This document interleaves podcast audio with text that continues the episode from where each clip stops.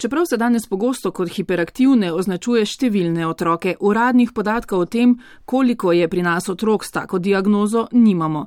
Velja pa, da je otrok, ki imajo resnejše težave s pozornostjo oziroma hiperaktivnostjo od 6 do 10 odstotkov, trikrat več je dečkov kot deklic. Hiperaktivnost oziroma skratico ADHD je v več kot 80 odstotkih prirojena genetska posebnost in kot so pojasnili strokovnjaki na včerajšnji konferenci, je sploh ne moremo imeti za bolezensko, pač pa gre za poseben razvoj možganov, ki bi jih lahko pripisali prvobitnim lovcem. Nekoč so bile take lasnosti ključne za preživetje in napredek družbe, danes pa so zaradi neuklonljivosti, navidezne neposlušnosti in izstopanja vse prej kot zaželene. Ker so hiperaktivni otroci s pridruženo motnjo pozornosti hkrati pogosto tudi otroci z učnimi težavami, so ambulante in svetovalnice polne staršev, ki iščejo pomoč. Doktorica Irneja Maček, specialistka otroške in mladostniške psihiatrije z Ljubljanske pediatrične klinike o tem, kako otrokom lahko pomagamo. Pot uh, diagnostična in terapevtska je stopenska. Pedopsihiatri se običajno vključi takrat, ko so bile že uporabljene vse različne oblike pomoči, pa ne z takim uspehom, ki bi lahko bil na nek način viden ne, pri teh otrocih. Takrat se kot možna oblika pomoči se, se lahko vključijo seveda tudi zdravila. Moram reči, da smo v Sloveniji precej konzervativni pri predpisovanju teh zdravil in se vedno predpisujejo se strani pedopsihiatra, vedno z dobrim nadzorom, tako glede kliničnega učinka, kot glede možnih neželenih učinkov. Moram reči, da vedno sodelujemo z šolami, z starši in seveda tudi z otrokom samim. Bi pa tudi povdarila, da zdravila sama ne bodo prinesla uspeha. To se pravi, vedno mora biti tak otrok, ki prijema zdravilo, vključen še vse ostale oblike pomoči. Cilj zdravljenja pa je ta, da se te ostale oblike pomoči pomoči, ki so um, dostopne in otrok, otrok v njih vključen, na ta način lahko še bolj učinkovite in otrok na ta način mogoče sploh lahko sodeluje v teh ostalih oblikah pomoči. Ob tem psihiatrinja opozarja na pogosto napačno etiketiranje otrok. Ni vsak otrok, ki je hiperaktiven, tudi diagnosticiran za ADHD oziroma s hiperkinetično motno. Ne? To se pravi nek živahen, temperamentno živahen otrok, ki pa se zmore takrat, ko je treba skoncentrirati in delati za šolo, um, najverjetneje nima ADHD. Ne?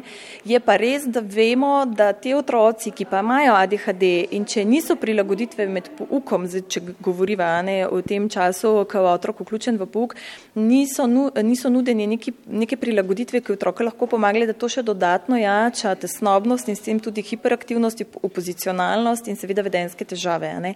Tako da, če želimo biti v pomoč otroku in celi družini, moramo stopiti skupaj. To se pravi tako šola, kot vsi ostali strokovnjaki, ki, so, ki z otrokom pridemo v stik. Uh, znanja na tem področju je zelo veliko, tako da jaz mislim, da imamo oblike pomoči in jih je treba izkoristiti. Pri tem tudi iz svoje prakse spoznava, da si pedagoški kader zelo želi znanj, ki bi jim pomagala, da bi z otroki lažje delali. Kaj ti? Šola tem otrokom ni naklonjena s svojim načinom izvajanja pouka in da je pomemben tudi odnos do teh drugačnih na nek način otrok strani vodstva šol, kar se kaže potem tudi v strokovnih službah, to pravi svetovalnih službah in seveda tudi pri učiteljih. Vidimo primere dobrih praks, ko so bi rekla, od vrha na vzdolj, te informacije, um, um, to, spravi, to poznavanje dobro, da tam jim tudi v bistvu je otrokom lažje. O tem, da ti otroci nikakor niso neobvladljivi in da je največ odvisno od reakcije na njihovo vedenje, predvsem v šoli, ki je za nje najbolj naporno okolje, je prepričan tudi Dejan Sotirov, direktor zavoda Maurični bojevniki, organizatorja včerajšnje konference. Največ težav jasno izhaja iz šolskega sistema, kajti tam se v bistvu te, te, te simptomi najbolje kažejo, ker ti večina teh otrok, seveda govorimo o hiperkinetikih, govorimo pa tudi o tistih drugih, ne, ki nimajo hiperkinetike, se pravi, ki imajo samo motnjo pozornosti, na katere nismo, ne, jih, jih ne vidimo in jih ne opazimo. Ne, in to je v bistvu zelo velika težava, je prav ta, da pač učitelji niso opremljeni z, z znanji in tudi sami niso krivi, da, da niso opremljeni. Zato razumem popolnoma njihovo agonijo in jaz mislim, da to, tukaj je en zelo velik in pomemben korak, ki ga bo treba narediti. Narediti, predvsem na področju šolstva. Učitelji namreč s prenatrpanimi in zbirokratiziranimi šolskimi programi in pogosto tudi s premalo znanja takih otrok ne zmorejo motivirati dovolj, da bi pouk nemoteno tekel. In čeprav je togost šolskega sistema pri nas zelo velika, je Sotirov prepričan, da se že z majhnimi koraki da storiti veliko. Naprimer. In tudi treba je znati, ne, sej se da včasih tudi malo drugače zapeljati. No, jaz vedno rečem učiteljem, vem, da je težko biti 15 let učitelj. Ampak um, lažje je, vidimo pri nas, ne, takrat, ko v bistvu peleš program iz sebe, da je program tebi zanimiv, potem je ta program učinkovit. In če ti, če ti je v bistvu predavanje zamorjeno in veš, da moraš to sam spredavati, zato ker imaš danes to v načrtu, ja potem pa tudi učinka, ki je dosti ne bo, ne, ker pač ti otroci vse nas berejo, vse sami vidite, no, vse ne gre samo za to, da jim moramo vse razložiti, oni vedo stvari, ki, za katere mi mislimo, da jih ne vedo, pa jih ne. Tako. Predvsem pa je v razredih, a tudi doma in povsod, kjer od hiperaktivnih otrok pričakujemo zauzeto sodelovanje, treba razumeti, da je njihov način dojemanja sveta in reagiranja na svet okoli sebe nekoliko drugačen. Razumevanje teh mehanizmov, predvsem pa umirjenost, da nas reakcije otrok ne iztirijo, sta ključna elementa dela in življenja s takimi otroki. Jaz razumem učitelje, da jim zagotovo ni lahko, ker vidimo tudi sami, kako je voditi en pedagoški program, ena enostavna delavnica nabiranja zelišč, ko je pozornost recimo omejena na tri minute. Ne. Zdaj, v bistvu tukaj prijemov več. Prvi osnovni prijem je, da se v bistvu ta oseba, ta pedagog v sebi umiri.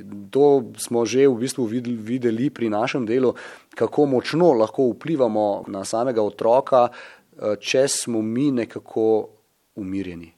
To je izjemnega, izjemnega pomena, ker večja kot je intenzivnost te agonije v nas, noter, bolj, bolj kot nastaja otrok, je zi, več problemov bomo imeli. To je prva stvar. Potem so tukaj razni akutni ukrepi, kot so recimo, ne vem, koliko je mogoče dati otroka sedeti na žogo. Zdaj, če to pač ne bo preveč motilo uh, ostale učence, uh, je tudi to eden od prijemov. Se pravi, potem, da ima um, možnost, da se otrok umakne, da gre recimo do pedagoginje, takrat, ko čuti to napetost, da se sprehodi po hodniku. Se pravi, prijemi, ampak to je vse v dogovoru, se pravi, znotraj, znotraj šole, z ravnateljem, na kakšen način v bistvu bi lahko potem prilagodili pouk vsem ostalim.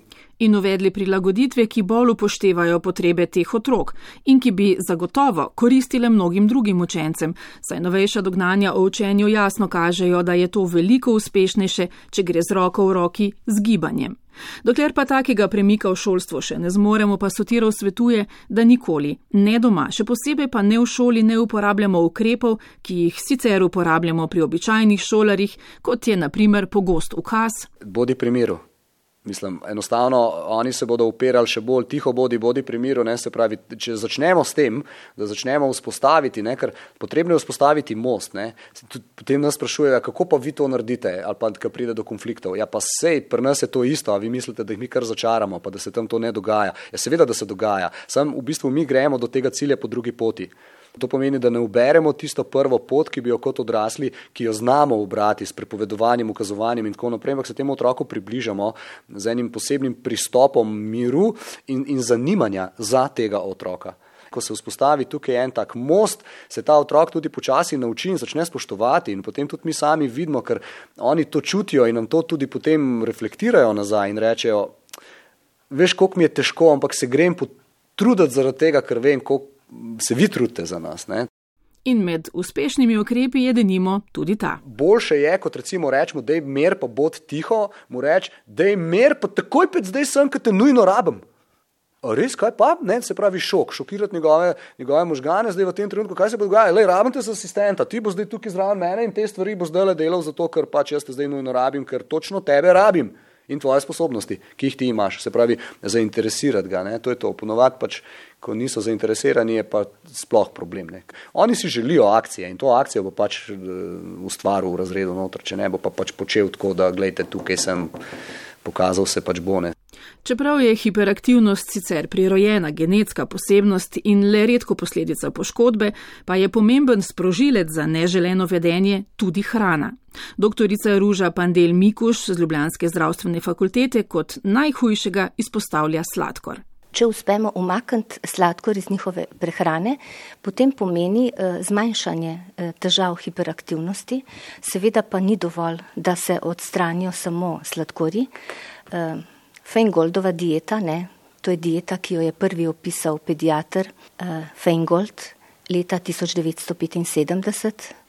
Uh, opisuje tudi izločitev barvil in salicilatov.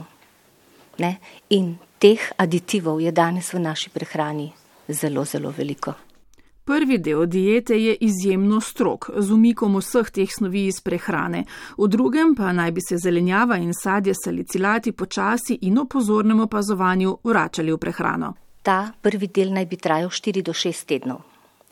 Vendar opažajo, da je že po enotedenski odsotnosti vseh teh snovi iz prehrane simptomatika bistveno boljša. Ob tem pa doktorica nutricionizma še priporoča, da ob umiku škodljive hrane z jedilnika van nujno uvedemo še zelo pomemben dodatek. Izrednega pomena je vnos eh, omega-3 maščobnih kislin, kajti velik del eh, možganov je pravzaprav iz teh maščobnih kislin. Te pa so zlasti pomembne v prvih dveh letih razvoja otroka in danes opažamo, da ljudje jemo premalo rib. Ribe so tiste, ne, ki vsebujejo te omega-3 maščobne kisline. Zato je priporočljivo, da se omega-3 tudi dodajajo kot prehransko dopolnilo. Pri teh otrocih z ADHD eh, torej pomirjajo, omega-3 pomirjajo, krepijo imunski sistem, potem delujejo protivnetno in so torej izjemno ugodne predvsem pa zmanjšujejo simptomatiko hiperaktivnosti. To je bistvo